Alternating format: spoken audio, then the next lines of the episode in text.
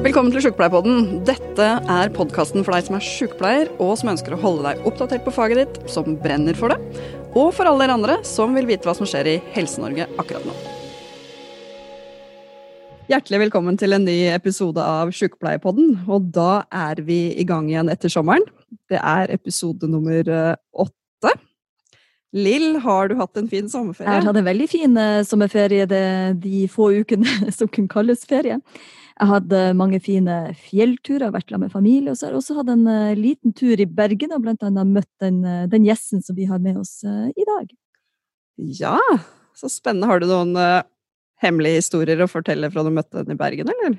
Før vi inviterer deg inn, liksom? Ikke noe annet enn at hun alltid er et veldig inspirerende vesen, så jeg var i Bergen av helt andre grunner enn at jeg skulle møte henne. Men når jeg nå først var der, så hadde jeg veldig lyst til å ta en, en, noen kveldstimer også i lag med henne. Mm. Og da tenker jeg at alle er veldig spent på hvem vi har invitert inn i podkasten i dag. Og det er uh, ingen uh, ringere enn uh, utrolig inspirerende og morsomme og kloke Ruth Donovan. Hjertelig velkommen til deg. Tusen takk. Du, i Sykepleierforbundet så fikk vi en veldig artig henvendelse i fjor, var det vel, som vi ikke helt visste hva vi, hva vi skulle tro om. Som handla om gatekunst fra ei dame som visstnok var sykepleier og drev med noe gatekunstgreier og sånn. Og så sa vi sånn Ja, ok, men det høres så kult ut, kan ikke noen sjekke det ut? Og så fant vi ut at det var jo deg. Mm.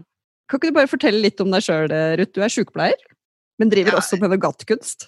Ja, altså, jeg er Ruth uh, Marie Donovan, og jeg er sykepleier en gang i tiden. Og klart at den, uh, den rollen har jeg med meg, uh, og det er noe som vi er for evig alltid, tenker jeg. Det er der at hjertet mitt ligger i det faget som jeg en gang så veldig ivrig ønsket å bli en del av. Uh, og så så jeg et bilde uh, av to kvinner som var malt, og de begge to var aktivister og jobbet som jordmødre i Australia for the aboriginal population. Da jeg så det bildet, så ble jeg veldig berørt. Uh, og så liksom kraften som et bilde kan ha på oss mennesker. Da. Um, for det satte i gang veldig mange følelser i meg. da. Dette kraftfulle bildet av disse to kvinnene, eldre kvinner som hadde kjempet for, for um, kvinners helse. Mm. Uh, og fødekvinner i Australia, og det var the aboriginal uh, people. Uh, så fargen i kunsten, eller i verket, da, var jo preget av bildene, nei, fargene til the aboriginal people, og det er jo svart og gult og rødt. Og jeg har jo selv bodd i Australia, så det bildet snakket veldig tydelig til meg. Mm. Uh, og så måtte jeg undersøke da, hvem er denne kunstneren, hvem er det som har gjort dette. Og da kom jo det fram at dette var to stolte jordmødre som hadde kjempet for kvinners uh, helse og for en god faglig håndtering av svangerskap og fødsel. Og de ble hedret da med dette vakre bildet. Så mm. tenkte jeg da um, hvor flinke er vi til å hedre norske kvinner og menn som utøver sykepleierfaget hver dag, som er egentlig vår, våre helter og heltinner. Som eh, lydløs og sømløs tusler omkring i sine Ikke bare tusler, men løper omkring i sine hverdager og gjør en usedvanlig viktig jobb. Mm. Jeg ville vite litt hvem er de? Ikke sant? Ja, rett og slett. Og det, og det var jo en anledning eh, også, fordi det er det internasjonale sykepleier- og, og jordmoråret eh, i år. Så det vi fikk, var jo mm. da en forespørsel om, um, om gatekunst. For å hedre sykepleiere i sykepleier- og jordmoråret. Og det syns vi var interessant uh, i seg sjøl. Vi hadde det oppe i styret, og vi valgte å gå for det, uten at vi antagelig skjønte at det var et helt konsept Altså, det var så mye, mye mer. Altså, det bildet, et bilde, det, den gatekunst, og så ligger det så veldig, veldig mye mer med i det. Kan ikke du fortelle litt, eh, Ruth, om det? Det er jo et bilde i seg sjøl eh, er jo kraftfullt og sier jo oss Det ligger opp til observatøren som ser det, å kunne føle, kjenne, tenke eh, hva de oppfatter av eh, bildet. Eh, hvis det er bilde av en sykepleier, så kan jo vi få assosiasjoner til å bli nysgjerrig. Vi ønsker kanskje mer av fortellingen. Eh, så det vi ønsket vi å gjøre, var å bygge flere nivåer og lag av kommunikasjon i bildet for å gi en større audiovisuell opplevelse. Eh, og i vår teknologiske verden så er det lett å koble på teknologi på et bilde gjennom en enkel QR-kode. Og den gir tilgang til hele historien, eh, sånn at eh, vi tilgjengeliggjør på en måte bildet til alle. Sånn at det får en mye mer sånn allmenn spredning. At den, hvem som helst, du kan sitte i, på Nordkapp eller på Lindesnes og ta del i den samme opplevelsen det er selvfølgelig noe spesielt å se noe live og se noe rett i, foran deg. Men det er òg mulig til å gå på en digital utstilling. Uh, så denne kommunikasjonen handler om å bygge narrativet inn i selve bildet. Da. Altså at verket, som er et maleri, uh, har, forteller en historie. Det er ett nivå. Men så kan vi legge på et nytt nivå. Det er musikken. Og så er det foto, film, som forsterker innholdet i selve bildet og det budskapet vi ønsker å formidle. Og budskapet har jo kanskje, handler jo om eh, selve den eh, personen som blir portrettert, men den personen har sin fortelling. Har sitt budskap, har sin rolle, sin faglighet, sine hverdager, sine pasienter, sin tilstedeværelse i det å utøve sykepleie. Da. Mm. Så da ønsket vi da å, bringe denne her uh, kunsten, uh, altså fag sykepleie, altså viktigheten av at den utøvende sykepleien må faglig være veldig sterk. Sant? Og kunne vite akkurat hva de skal gjøre i det øyeblikket de utøver, om det er en intensivsykepleier eller en sykepleier på et sykehjem eller hvem det måtte være, så står de i sin, sine faglige sko. da. Og så ønsker vi å bygge den broen over til utøvelsen og den kunsten å være til stede i sin faglighet i møte med sårbarhet, i møte med lidelse, i møte med menneskets behov. Og det unike møtet som oppstår absolutt hele tiden. For dette møtet er alltid nytt. sant? En sykepleier går alltid live inn i enhver situasjon. Så du står jo trygt med ditt fag, men så må du samtidig evne å være kreativ i øyeblikket. Og der ligger kunsten. Kunsten å utøve faget. Eh, og vi ønsket jo at eh, dette gjennom å formidle det et, gjennom et verk, gjennom et maleri, gjennom en kunst eh, gjennom kunstfoto, film og ikke minst musikk, så skal vi hjelpe observatøren til å gå inn i dypet av det vi prøver å formidle. At det er så mye, mye mer enn bare det du ser. Det er så mye dypere. Fordi at vi mennesker er så mye dypere. Vi inneholder så mye, mye mer. Dette er jo Vi kjenner jo, eller noen av oss kjenner jo i hvert fall begrepet liksom the art of nursing i sykepleieteorien. Mm. Men dette er jo virkelig å ta det ett steg videre. Men Lill og jeg snakka så vidt det var eh, om det i går, eh, da vi forberedte oss til eh, dette intervjuet. Så spurte jeg Lill liksom, hva, hva, er hennes forhold til kunst? Klarer hun å se sammenhengen mellom kunst og sykepleie? Jeg vet ikke om du har fått sovet noe mer på det i natt, eh, Lill? Jeg jobber med mange andre ting i mellomtida. Men, um, men, jeg tenkte på det, for at når jeg i alle fall var nyutdanna sykepleier, eller når jeg gikk på utdanning og vi hadde Kari Martinsen hun prater, Kari Martinsen skriver jo som teoretiker, så skriver hun mye om det med om kunsten, altså The Art of Nursing, men på norsk, da. Så, um, og mye med den, det språket som hun bruker også, ikke sant, med, med, og det å se med hjertets øye, for eksempel. Altså, jeg ville nesten spy ut av det når jeg var som sykepleierstudent i seg sjøl. Men så, det vokste på meg, og når jeg da begynte å undervise, og var nødt til å undervise i Kari Martinsen, og da hadde jeg med meg den erfaringa som sykepleier sjøl i de møtene med nettopp det sårbare, det nakne, det um, ærlige i den, i den resonansen, altså i den det mellommenneskelige møtet. Der jeg er nødt til å gjøre noe med meg. altså Jeg er nødt til å tåle den sårbarheten i meg i møte med den andre. Da plutselig gikk det opp for meg. Da, da leste jeg det på en helt annen måte og skjønte hva det som faktisk menes med det. Og jeg vet at Ruth også bruker å prate om det med kjærlighetsspråket. Altså hvordan er det vi når frem? Mm. Hvordan er det vi når frem som sykepleier, men hvordan når du frem med kunst? Hvordan når du frem med, med det vi ønsker å formidle som, som mennesker? Du er helt avhengig av en resonans altså det, den, det andre mennesket må reagere på det du sier. Og jeg tenker Det er noe av det som ligger i kunst. Også. Men i alle fall den kunsten jeg liker, er jo det som jeg blir berørt av. Altså det som på, av ulike mm. grunner berører meg. Og det er ikke bestandig jeg klarer å skjønne i øyeblikket hva det er som berører. Jeg trenger den resonansen enten i meg sjøl, sånn at jeg kan reflektere for meg sjøl, eller i møte med andre for å forklare hva er det her for noe som berører meg såpass sterkt i det. Og det tenker jeg, det er egentlig det med sykepleie òg. Du lar deg berøre, og så er det et, gjennom sansene dine, og så er det et fortolkningsarbeid som vi egentlig gjør. Og det er en kunst. Hmm, det er utrolig fin måte å tenke på sykepleie på. Ruth, hvor lenge har du vært sykepleier? Jeg var ferdig utdannet i 1996. Ja. Eh, så det begynner å bli noen år siden. Det sier litt om hvor voksen jeg er blitt. Og så tror jeg vi alle er på denne reisen gjennom livet. Eh, sånn at faget former oss, videreutdanninger former oss. Vi eh, åpner opp nye dører til nye virkeligheter. Vi erfarer, vi snubler. Vi går gjennom egne livskriser og alt mellom himmel og jord. Eh, så vi blir jo eh, en del av Det er jo en kunst, det å leve, sant. Mm. Så vi, vi, ja. Vi må lære oss mye i dette livet, så det påvirker jo oss alt.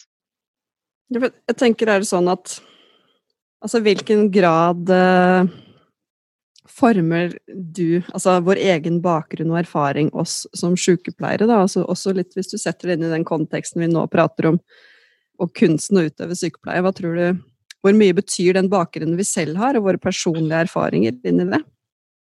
Det er et veldig godt spørsmål, og jeg syns det er eh, jeg blir nesten litt eh, glad for å kunne få lov å eh, være med og svare på det.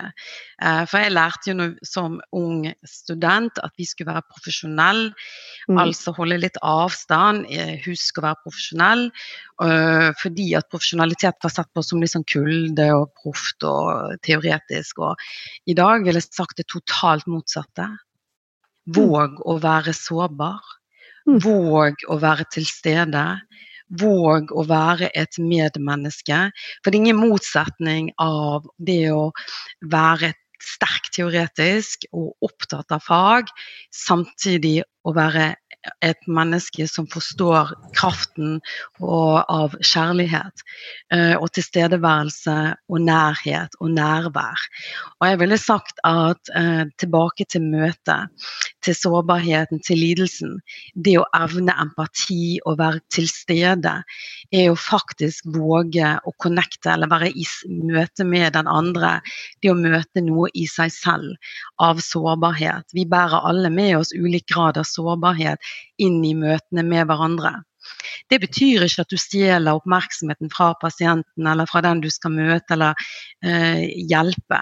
Det mm. betyr at du er til stede i din egen verden og sårbarhet, for dermed lettere komme tettere på den andre. Eh, så jeg tror vi har sånn misforstått eh, dette med profesjonalitet er å være, vise avstand. Jeg tror eh, det, Jeg har vært mye i rusfeltet og i psykiatri, mest fra sånn utsiden og pårørende. Og jeg ville si at tilstedeværelse og det å skape kraft for en annen person der ligger det en kime til enorm endring. Uh, hvis vi våger å åpne den døren. Så jeg tror vi undervurderer Vi, vi må forstå kraften av kjærlighet. Uh, kraften av, og ikke minst uh, betydningen av nettopp det å våge å gå, altså kombinere dette. Men jeg ser ikke noen motsetning i det. Så min bakgrunn vil jeg si i dag som trygg voksen person bistå meg i at jeg blir et bedre medmenneske. Jeg ville vært en bedre sykepleier. Og jeg så det nå når jeg ble, ble omplassert i Bergen kommune til, eh, til, å jobbe som sykepleier i sykehjem i Bergen. Så oppdaget jeg at jeg var en annen sykepleier i dag. Jeg rommet på en annen måte. Mm. Øynene mine oppfattet andre ting. Jeg var til stede på en annen måte. Nærværet mitt var sterkere. Og jeg, opplevelsene mine med å være til stede for de eldre på sykehjemmet, jeg eh, følte meg mer betydningsfull. Og det var fantastisk å oppleve. Og jeg mm. eh, kjente jo på et savn og et ønske om å få lov å bruke meg sjøl som eh, sykepleier mer i dag enn kanskje noensinne. Fordi jeg har mer å gi. Jeg har noe mm. annet å gi. Jeg, har, eh, jeg rommer eh, noe annet i dag. Jeg rommer mer. Mm. Ja, så jeg hadde noen magiske øyeblikk, vil jeg påstå. da. Så jeg følte meg heldig eh, som fikk lov å være så nær disse fine pasientene på dette sykehjemmet. Jeg har tenkt på det mange ganger at eh, akkurat det du sier om hva vi blir opplært i i forhold til å mm. holde en distanse, så tenker jeg at det har jo også handla litt om å, å, skjerme sykepleieren. Fordi idet du går inn i det og tillater deg å være sårbar, som du er opptatt av å, å gi kjærlighet og nærhet, så mm. utsetter du deg sjøl også for Det er litt sånn som å liksom våge å gå inn i et forhold. At idet du går inn i et forhold, så kan du også bli dumpa. Ikke sant? Mm. Så kanskje, og det jeg tenkte på, så, hvordan finner du den balansen i å være sterk nok i deg sjøl til å kunne være sårbar, men samtidig kunne gå hjem og ikke ta med deg alle de opplevelsene hjem til familien når du skal lage middag, så du ikke er til stede der. Og det tror jeg at man lærer sikkert bedre gjennom et langt liv osv. Men i møte med studenter, da, f.eks. Lill, som du har hatt mye erfaring med som lærer på UiT, hvordan har du noen triks til de eh, studentene når du møter dem? Ikke bare jeg som er på, eh, blant studenter, det er jo også eh, Ruth. Er jo også eh, første lektor, eller hva, hva var det du jobba i alle fall på? Ja, jeg har jobbet som høyskolelektor, var jo nesten førstelektor. Uh, men uh, i de årene var, så var jeg mye på sykepleierutdanningen. Uh, men da likte jeg veldig godt Katie Eriksson, jeg da. En mm. teoretiker som, som snakket mye om dette med lidelse. At lidelse er jo en del av livet. Dette med å leve kan bli lidelse. Du blir dumpet. Mm. Du blir skilt. Ting går i dass. Det svir. Du mister jobben. Du mister venner. Altså ting går på tverke. Mm. Denne type lidelsen heter livet. Mm. Livet er en lidelse. Det gjør vondt. Kjærlighetssorg, smerter. Men det er ikke sykdom, det er mm. lidelse. Det gjør vondt. Å leve kan være veldig vondt. Så har du den lidelsen hun mener som når vi rammes av sykdom. Vi, enten det blir psykiske lidelser eller somatiske lidelser, vi rammes av sykdom. Det er lidelse. Mm. Og så er det den tredje lidelsen. Det er den lidelsen vi påfører hverandre. Eller at sykepleierne kan påføre pasienten lidelse. Og den lidelsen syns jeg vi snakker for lite om. Når vi gjennom vår, våre intensjoner, da, eller vår tro på at vi gjør godt, kan skade. Og derfor vil jeg gjerne synes jeg vi kan òg reflektere mer over vår i, vi tror vi er gode, men vi skader i våre intensjoner om å skape godt, så kan vi faktisk skade og såre. Og det er mm. litt at dette bildet må gå begge veier. Både ivaretakelse av seg selv og ha egenomsorg. Det å kunne sette grenser, men det er vi ofte veldig opptatt av. Eh, men, men jeg tenker òg at vi må se på denne relasjonen mellom meg og den andre som en hellig grunn, der vi banker på disse dørene forsiktig. Vi ber om å få komme inn. Samtidig som vi er opptatt av å reflektere over den indre døren jeg har til meg. At selvinnsikt handler om å forstå seg selv, og det å vite hvor min sårbarhet ligger. At jeg er redd for avvisning, eller jeg er redd for å bli forlatt, eller jeg kan kjenne på disse tingene. Så må vi vite at den døren vi banker på foran oss, er denne, det er en usynlig dør der som vi må være forsiktige med. Så når vi banker på den, så må vi be om å få komme inn. Og da må vi av og til komme litt i møte med den andre. Og det er det som jeg syns er så vakkert med vårt fag. Det er dette sykepleierfaget. Det er jo nærmest ingen som kommer så nær lidelsen. Uh, og den lidelsen er menneskelig. Vi skal ikke være så redd tror jeg. Og Hvis jeg skulle gitt råd til mine studenter eller til andre, så ville jeg sagt ikke vær redd følelser. Følelser er ikke farlig, men mm. de er vårt navigasjonssystem. Det er vår måte å orientere oss i denne virkeligheten på. Sånn at når jeg føler noe, så må jeg heller sette ord på det og finne frem i de følelsene. La de snakke til meg og styre meg i mitt virke som privatperson og som, som fagperson. Følelser er ikke farlig. Men vi er av og til så redd disse følelsene. Vi er mm. redd vi skal bryte sammen, redd vi skal bli redd, redd for alt mulig rart. Men vi må kanskje si ja, jeg føler dette. Nå føler jeg meg fortvilt, jeg blir lei meg. Til og med du kan bli lei deg for pasienten gjorde deg lei deg.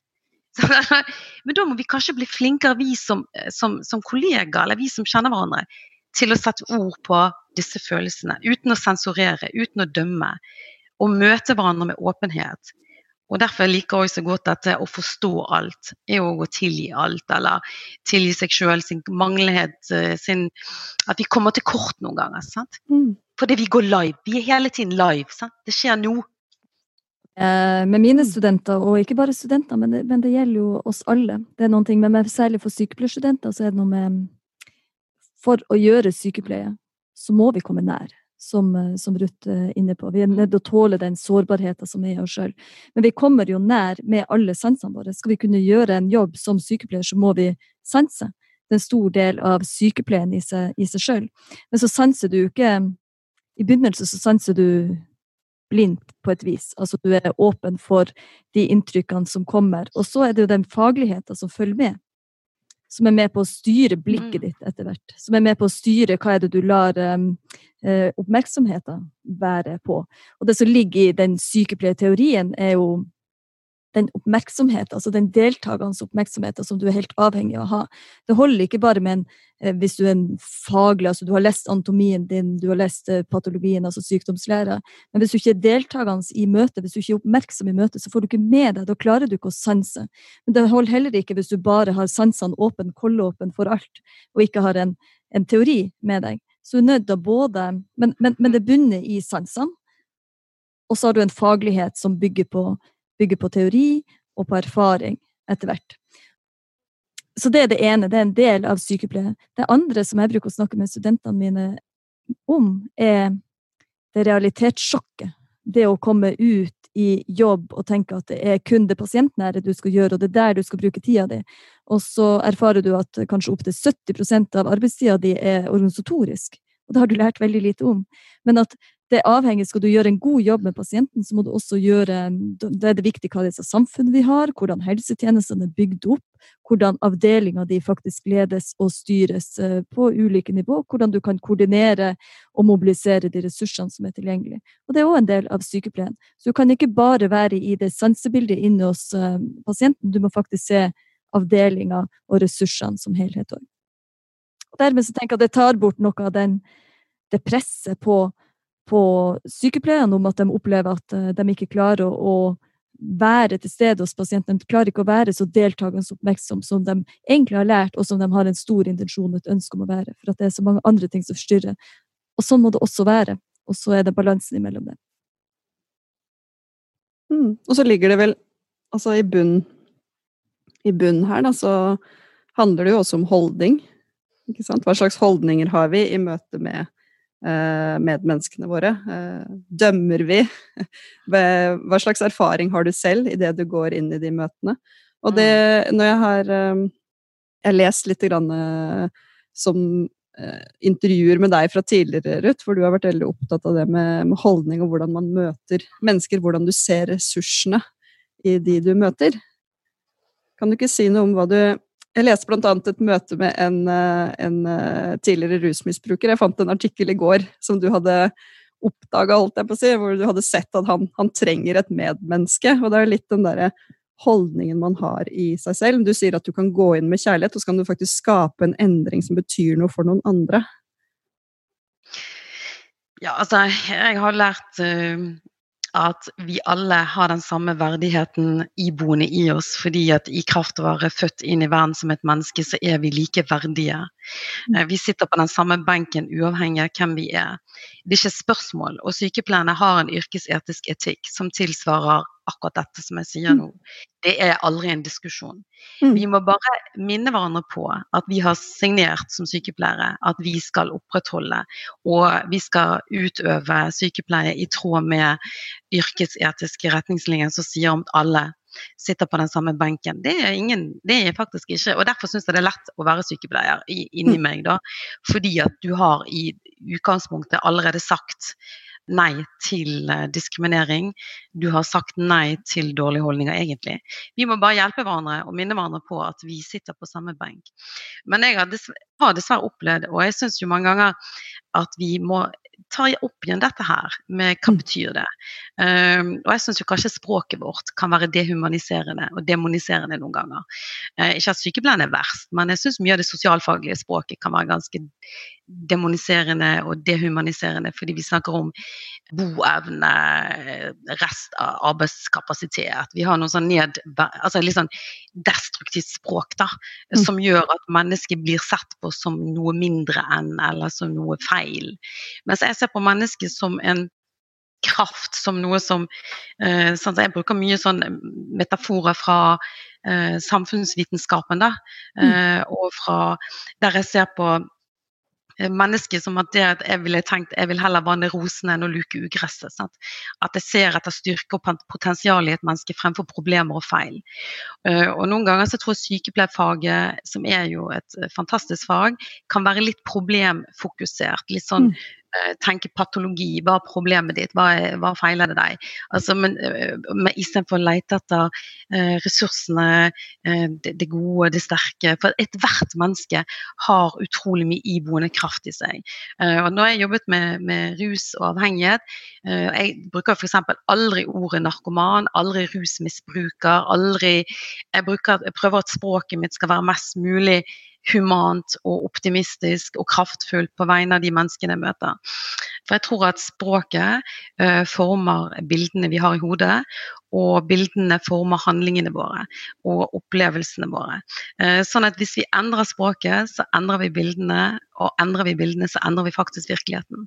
Så det liksom har vært mitt liksom, mantra inn i rusfeltet. Og, når jeg startet, husker jeg, arbeidet med å bygge Norges største brukerkonferanse i rusfeltet, så sa veldig mange til meg ja, hvordan selekterer du menneskene som du tar med deg inn?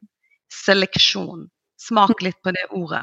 Selektere. Vi skal velge noen fremfor andre. Så sa jeg jeg forstår ikke hva du mener. Er det høy, lav, tjukk, tynn, mørk, lys? Mm. Nei, det handler om hvor ruset du er. sant? Mm. Hvor ødelagt du er, hvor, hvor psykisk syk og forstyrret du er. Istedenfor å se eh, Så sa jeg jeg tror ethvert menneske kan ta det valget selv. Hvis jeg inviterer folk til å bli med, så syns jeg ethvert menneske skal få lov å velge å komme selv. Frivillig, på egen initiativ, men jeg skal legge til rette for at mangfoldet kan komme. Mm. Jeg er ikke interessert i velpleide, ferdigfølte brukere som skal være opp til min form å bestemme det du skjønner nå du, når jeg gjorde dette, så sa alle at jeg kom til å gå i dass. Ble, jeg kom til å gå på en smell.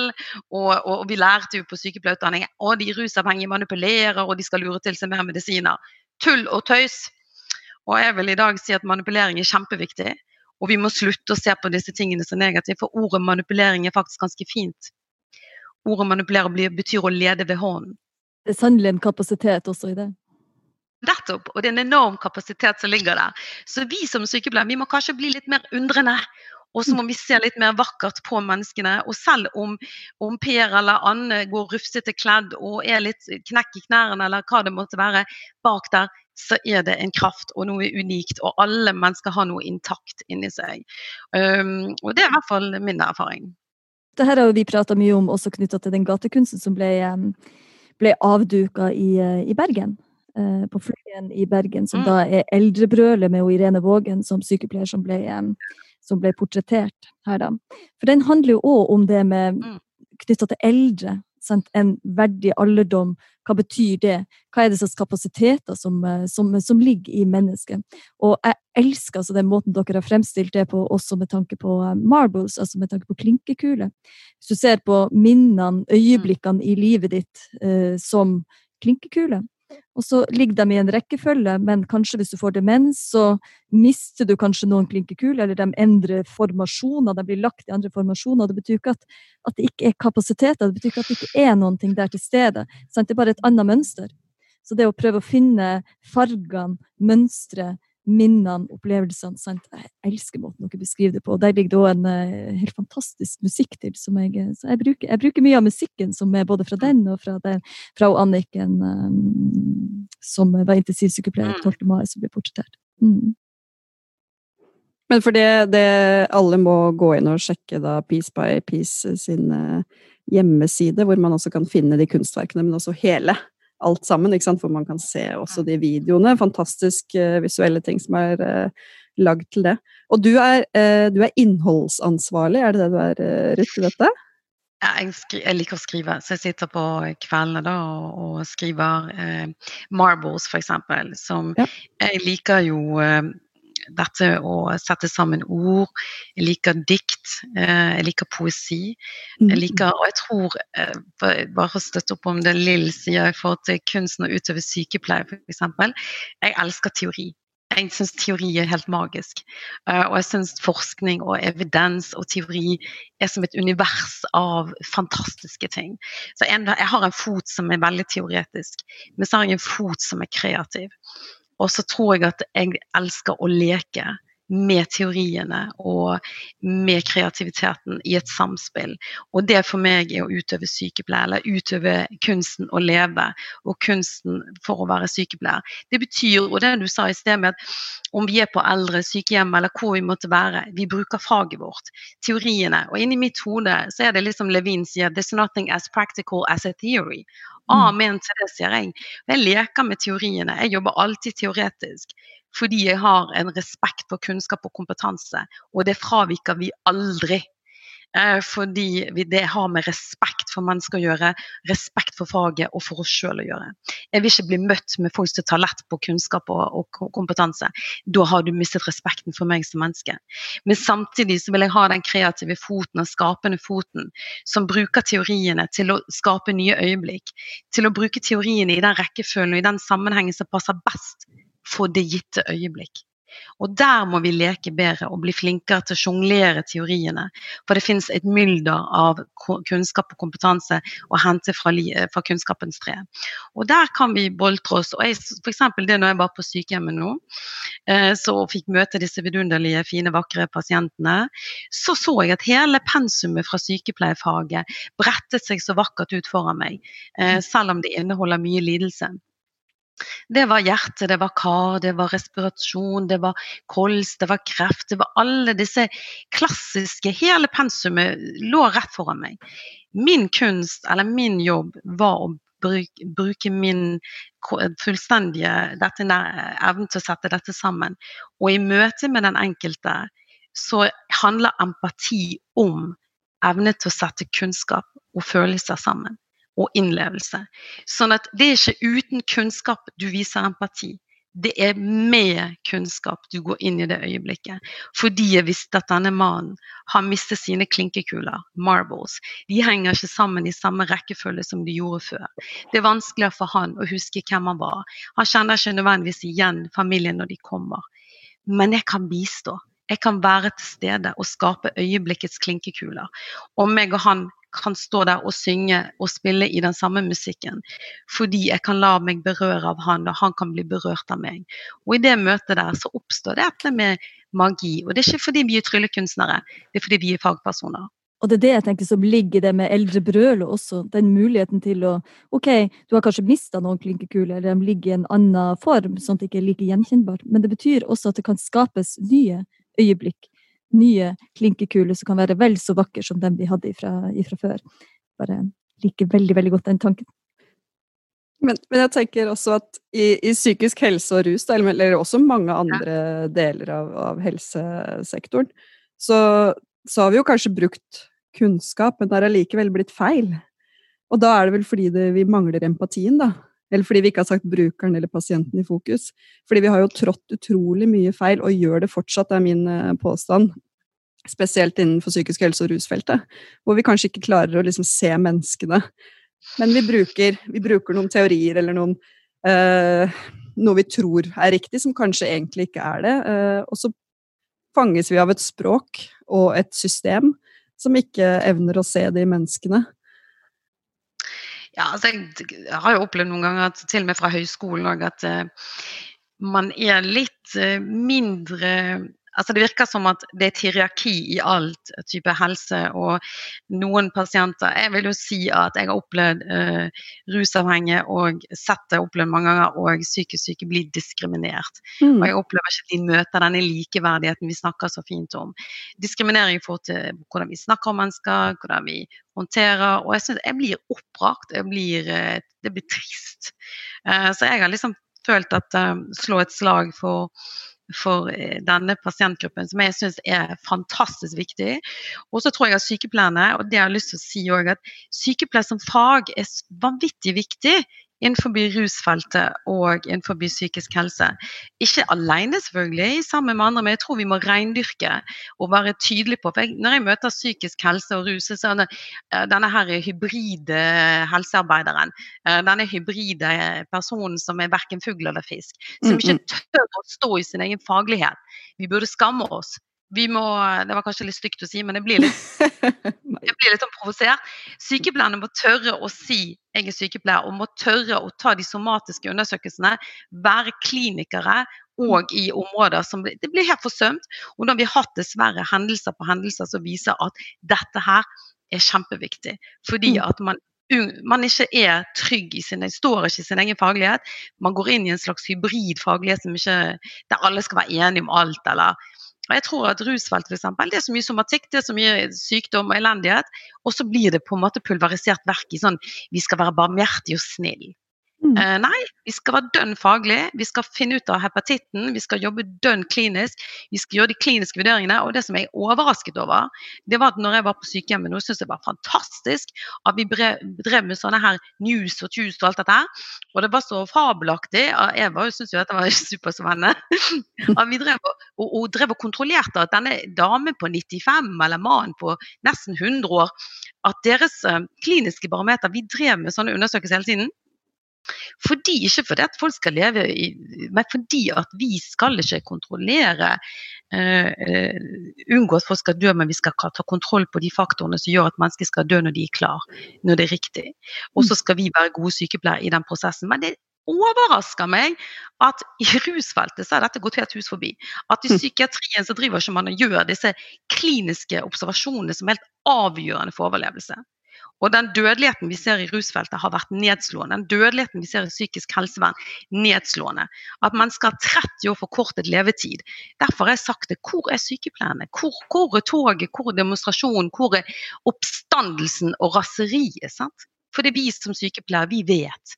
Og Det er derfor jeg siterer ofte eh, Immanuel Kant, som skrev 'The Enlightenment' i 1784 Sapere åde 'Dare to be wise'. Bruk kunnskapen din. Du har en plikt. Gå ut og bruk kunnskapen din. Det krever mot. Og da vil jeg gjerne si det, som jeg syns er så fint. Mot kommer fra core, som betyr Altså courage kommer fra det gamle latinske ordet core, som betyr hjerte. Og det å snakke sitt hjerte er å ha courage. Så vi sykepleiere vi må være modige. Og det står jo i all all verden sånne her fine taler, til og med på høyskolen. Vi utdanner stolte, modige sykepleiere. Ja vel, da må vi huske hvor motet kommer fra. Courage. Core. Hjerte. Vi snakker vårt hjerte fordi vi er ambassadører for fag og for pasient. Det er egentlig ingenting å diskutere. Fag i front. Uh, fag i front. Fag, fag i front, ja. Jeg har pratet mye om det. I den sammenheng så, så tenker jeg, at dere kanskje også lest det UKOM, altså Undersøkelseskommisjonen sin, eh, sin rapport knytta til en um, akuttpsykiatrisk sengepost. Der det var ei ung dame som, uh, som, døde. Og hun døde jo mye pga. Um, flere, flere ting som ligger der, med mangel på kontinuitet. altså Jeg tror det var 47 personer som var inne i løpet av de ti dagene. eller noe sånt. Og i tillegg til um, altså somatikken, som ikke ble sett av alle de her 47 personene, så ble uroen hennes, som sannsynligvis også kom pga. stigende forgiftning, ble oppfatta som symptomuttrykk. Og dermed så hun, fikk hun enda mer medisiner, så hun til slutt døde av forgiftning. Men i det så ligger det også i den rapporten så beskriver de også en husblindhet. Altså, eh, og det er knytta til mm. bygningsmassen og flere andre ting. Men, men, det er også kanskje en holdning altså når, du, når, du, blir vant til at det er sånn det er over ei tid, så trenger du um, trenger å mm. komme deg ut av den blindheten. Og tilbake til det med kunst. og tenk at kunst skal jo også i mange henseender provosere. Det skal røkke deg ut av uh, din vanlige vanlige uh, dags hverdag, sånn at du skal oppdage noe nytt. Og kanskje vi virkelig trenger noen kunstprosjekter, så uansett om du kaller det som ren denne type kunst, eller vi kaller det art of nursing, som skal røske tak i noen ting innenfor psykisk eh, helsevern og rusfeltet, sånn at vi ser med hva du sier, kjærlighetens øye, eller om det var um, Kari Martinsen snakker, altså se med, se med kjærlighetens øye. Kanskje trenger vi mer av det. Se både med tvilens øye, kjærlighetens øye og registreringsøye, som Kari Martinsen har innenfor sin teori. Vi trenger mye, mye mer av det i psykisk helsevern og rusfelt. Lill, du sitter jo faktisk i undersøkelseskommisjonen. Jeg sitter i Grensepanelet. Så du har vært med. Mm. Ja. Så vi, skal, vi kan dele den eh, rapporten for alle de som hører på podkasten som ikke har lest den. Så tenker jeg at den er verdt å lese for alle sykepleiere. Vi kan legge den på Mm. Facebook-sida. Men du spurte jo meg i sted om livet mitt hadde påvirket meg, eh, og den som jeg blir som eh, Og det er klart at det er jo akkurat derfor jeg ble en ambassadør, eller jeg ble en kanskje en sånn kraftperson i rus psykisk helse. Det var jo for mine egne tap. sant? Mm. Uh, og jeg mistet jo både min far uh, Han døde 36 år gammel. Min bror døde 35. Uh, begge av eh, rus og overdoser. Og jeg tenkte, hva lærte vi på de 40 årene som skiller de to dødsfallene? Mm. Absolutt, vil du spørre meg, veldig lite. Eh, og derfor sier jeg vi, vi har eh, Jeg har mistet mine, eh, og min bror kommer aldri tilbake. Og det er jo det som er så ødeleggende med disse dødsfallene. Og derfor, så min søster holdt jo på å dø, hun også. Og det ble liksom Alt jeg ba om, var å få lov å beholde hun. Mm. Og da merk, eh, så er, det- er klart at vi drives av våre erfaringer. Eh, og det som jeg av og til savner, er at vi må som fagpersoner ikke vente på at de pårørende skal gå på barrikaden. Vi må være der. Vi må stå på barrikaden for pasienter. Altså, eh, eh, de som har stått på for å gjøre de store endringene, ta Stine Sofie-stiftelsen f.eks. Det er mammaen som har stått på i alle disse årene, gjort enorme endringer. Eh, grunnen til at vi har Det var Mothers Against Drunk Driving. Det var mødrene som kom på vi skal ikke tåle dette. Pasientsikkerheten er tuftet på pårørendes arbeid. Mm. De store endringene av og til kommer fra skriket, brølet av lidelse og smerte. Fordi at vi ikke tålte mer, fordi at man ikke klarer mer. Så det jeg savner litt, er at vi som fagpersoner tar det skriket, eldrebrølet. At derfor jeg blir så, har så respekt for Irene Vågene. Sant? Og at hun brøler som fagperson. Og jeg har lyst til bare, Vi bare bøyer oss i støvet for denne fantastiske sykepleieren for det hun gjør. Det, hun har mot til å gjøre det. Mm. Hun snakker fra hjertet. Hun er modig. Hun har courage. Og Derfor kanskje vi skal av og til alle sammen bli litt mer modige, sånn at vi som da mistet våre, eh, kan gå litt mindre på barrikadene. For vi er så sliten av tapet, av lidelsen, av smerten. Kanskje noen kunne båret det litt med meg og skreket litt for meg når jeg ikke klarte å skrike sjøl. Og det er en viktig del av Sykepleierforbundet sitt arbeid også.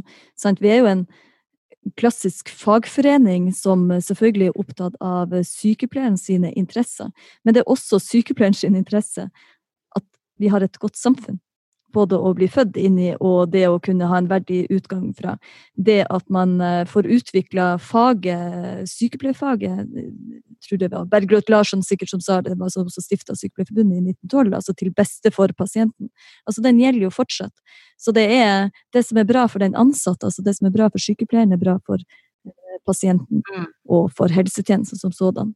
Og derfor så kan det, og Kari Martinsen Ja, sier jo også noen om det, at du, du, du- kan ikke bare jobbe med det pasientnære, du kan ikke bare forholde deg til pasientnære, for du får ikke gjort jobben din godt nok hvis du ikke også ser det som helsetjeneste og samfunn. Du må gjøre en jobb, du må eh, hun vil, Kari Martinsen sier jo noe om at hun vil ha mer ulydige sykepleiere, så kanskje er det noe med det. Ja. Bli ulydig, brøl mer. Ja, vær litt rebel. Det er en så utrolig viktig oppfordring, for jeg tenker de som er Altså de som virkelig trenger oss, de som virkelig trenger sykepleierne, det er jo de som ikke har pårørende, og som ikke har krefter til å kjempe kampen sjøl.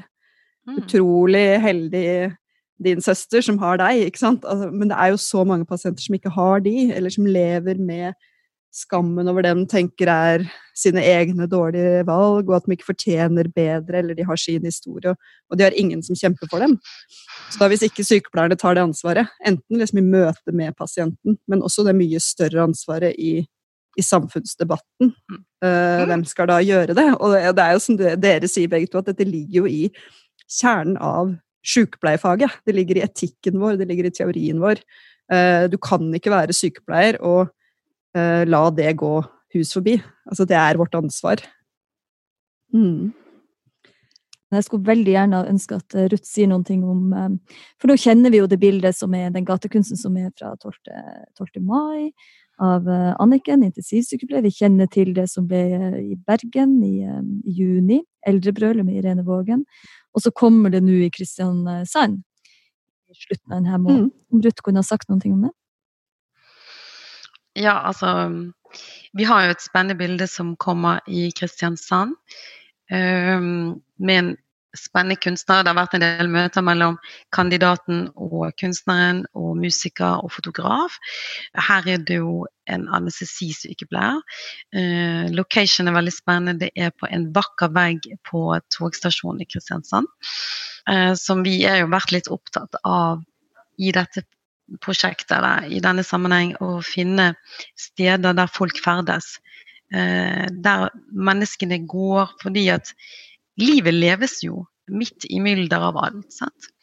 Sykepleie på sykehus, det er der du kommer når du har først en skade har skjedd eller noe har gått galt. Mens det å, å, stille ut, eller det å ha location midt på et togstasjon eller eh, sentralstasjon eller på et fjell, det er å komme nær. Og sykepleie er jo nær. Den kommer veldig nær. Og sykepleien er jo alltid der rundt oss i smitt og smau, mellom gatene, mellom husene, på brosteinen, i smitt For vi er der alltid, på vakt. Og sykepleierne er der 24 timer i døgnet, syv dager i uken, 365 dager i året. Fordi at de går aldri og legger seg. Det er alltid noen som tar stafettpinnen til den neste vakten eller til den neste. Sånn at i Norge er det trygt å bo.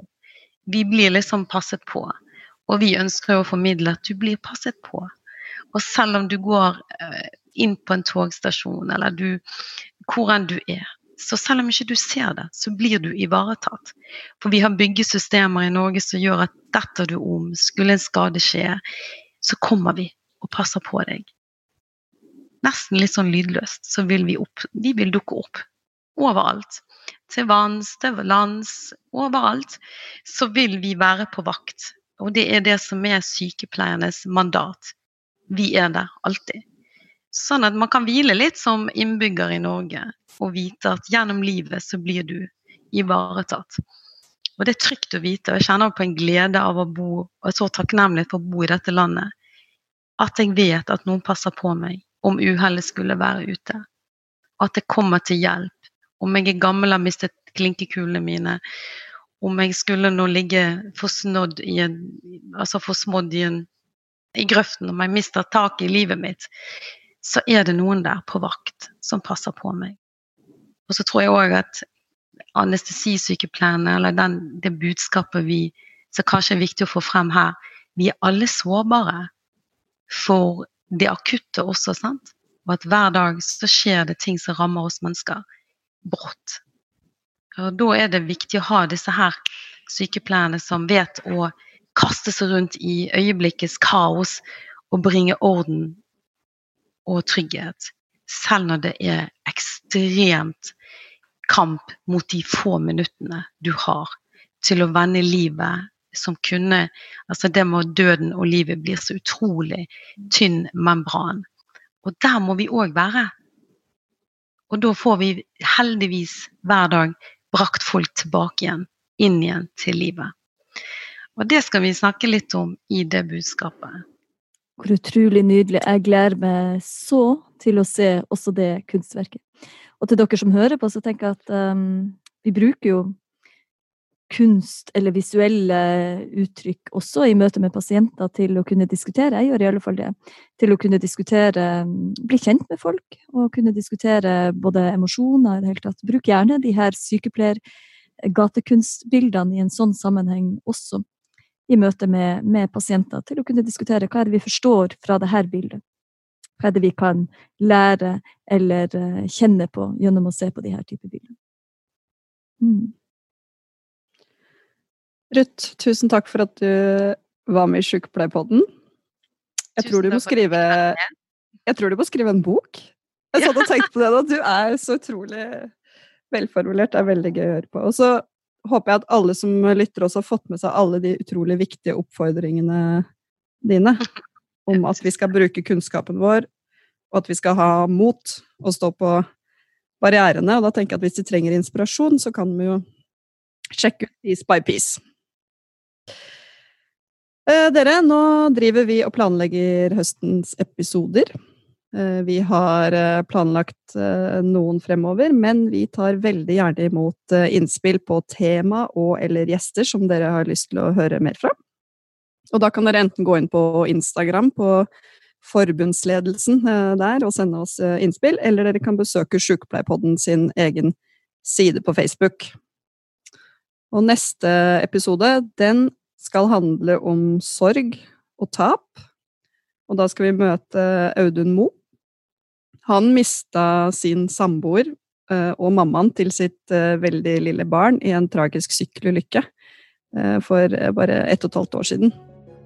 Han skal møte oss i en samtale om sorg, håp, sykepleie og triatlon. Og det tror jeg blir en samtale som er verdt å få med seg. Takk for nå.